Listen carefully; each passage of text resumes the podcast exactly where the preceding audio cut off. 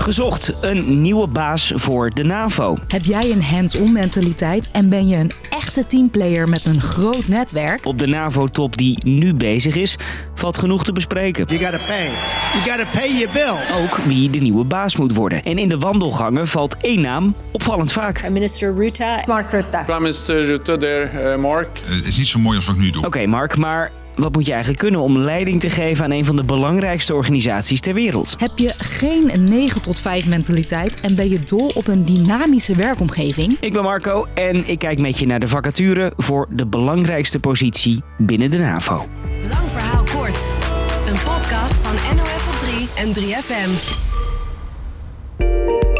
Al sinds het najaar gonst de naam van Mark Rutte als mogelijke nieuwe baas van de NAVO. We zoeken een secretaris-generaal. Ja, zo heet het officieel. En Rutte gaf in oktober zelf aan dat hij het wel zou willen. Vind ik het serie ook raar na 13 jaar als ik zou zeggen... ik kijk niet nog één keer of er wat is. En steeds meer mensen hinten erop dat hij het wel eens zou kunnen worden. Van de week nog de Amerikaanse ambassadeur bij de NAVO. I don't think it's any secret, though, that uh, we have heard from Rutte himself, Prime Minister Rutte, and he has expressed an interest. So that is one person uh, that the alliance is looking at. Maar wat houdt zo'n functie eigenlijk in? Je komt te werken in een internationale organisatie, de NAVO dus. Een militair bondgenootschap tussen 31 landen uit Europa en Noord-Amerika. Na de Tweede Wereldoorlog opgericht om de, toen nog, 12 landen te beschermen tegen de Sovjet-Unie. Nederland is lid van het eerste uur. En de belangrijkste afspraak is nog steeds... An attack on one ally will trigger the response from the whole alliance. Een aanval op één is een aanval op alle. Dat zei de huidige baas van de NAVO, Jens Stoltenberg. Hij moet ervoor zorgen dat alle lidstaten het met elkaar eens zijn.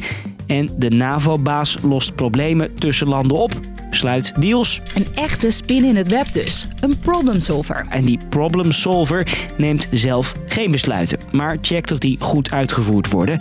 En is het gezicht van de NAVO in interviews en toespraken. Please, let's thank the Secretary General with a round of applause. Net als iedere organisatie kennen wij in deze tijd ook grote uitdagingen. Want ja, met oorlogen in de Oekraïne en in Gaza is het wel zo handig als al die landen in de NAVO op dezelfde lijn zitten. Internationaal, in een periode waarin de wereld totaal veranderd is. Heb je misschien ook wel iets van voorbij horen komen? No, I would not protect you. In fact, I would encourage them to do whatever the hell they want. You gotta pay. You gotta pay your bills. Van Trump bijvoorbeeld. Die wil dat NAVO-landen zich houden aan een richtlijn dat ze 2% van hun BBP uitgeven aan defensie. Dat doen veel landen niet. Ook Nederland houdt zich er niet aan. Dat kan een probleem worden, denkt deze militair. Dat kan zomaar, als iemand een stok zoekt om te slaan, kan dat een stok zijn. En Trump zelf is ook best wel een ja, uitdaging. Well, sir, uh, if we don't pay and we're attacked by Russia, will you protect us? I said, you didn't pay, you're delinquent. Want de nieuwe baas moet met veel mensen deals kunnen maken, ook als die mensen sceptisch zijn over de NAVO, zoals Trump. En dat zou wel eens een pluspunt kunnen zijn voor Rutte, vertelt deze oud-topdiplomaat. Toen Trump president was, maakte hij zich namelijk al boos over landen die volgens hem meer moeten inleggen bij de NAVO. Toen werd er een hartig woordje gesproken en toen heeft Mark Rutte een hele nuttige rol gespeeld door de zaak weer kunnen de- terug binnen proporties te brengen. Dus 2% of niet, deals maken en met moeilijke mensen omgaan, dat kan Rutte wel. Het belangrijkste in zo'n functie is dat hij de hele wereld kent en de hele wereld Mark Rutte kent.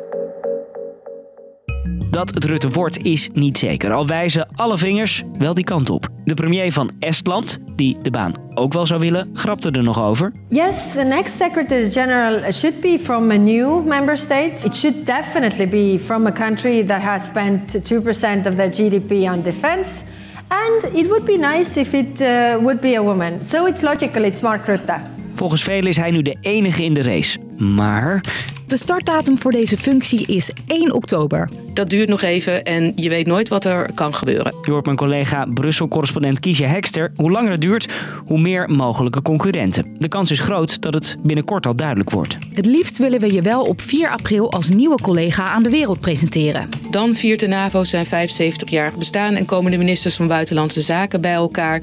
En ik heb me laten vertellen dat ze het een goed idee zouden vinden als ze daar dan de nieuwe SG-NAVO zouden kunnen presenteren. Of dat Rutte wordt, dat zijn voorlopig nog geruchten. Maar Mark, eh, je weet het misschien zelf al wel. I'm not going now to gossip or to speculate. Eh, jammer. Dus, lang verhaal kort. De NAVO staat voor enorme uitdagingen en is in de tussentijd op zoek naar een nieuwe baas.